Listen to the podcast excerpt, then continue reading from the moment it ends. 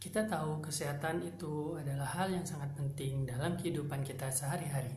Bagaimana kesehatan dalam pandangan Islam? Bagaimana cara Islam dalam menyikapi kesehatan? Dan bagaimana solusi yang diberikan Islam dalam menangani kasus kesehatan sehingga Allah memberikan kesembuhannya? Di podcast ini, mari kita bahas tentang dakwah kesehatan Islam.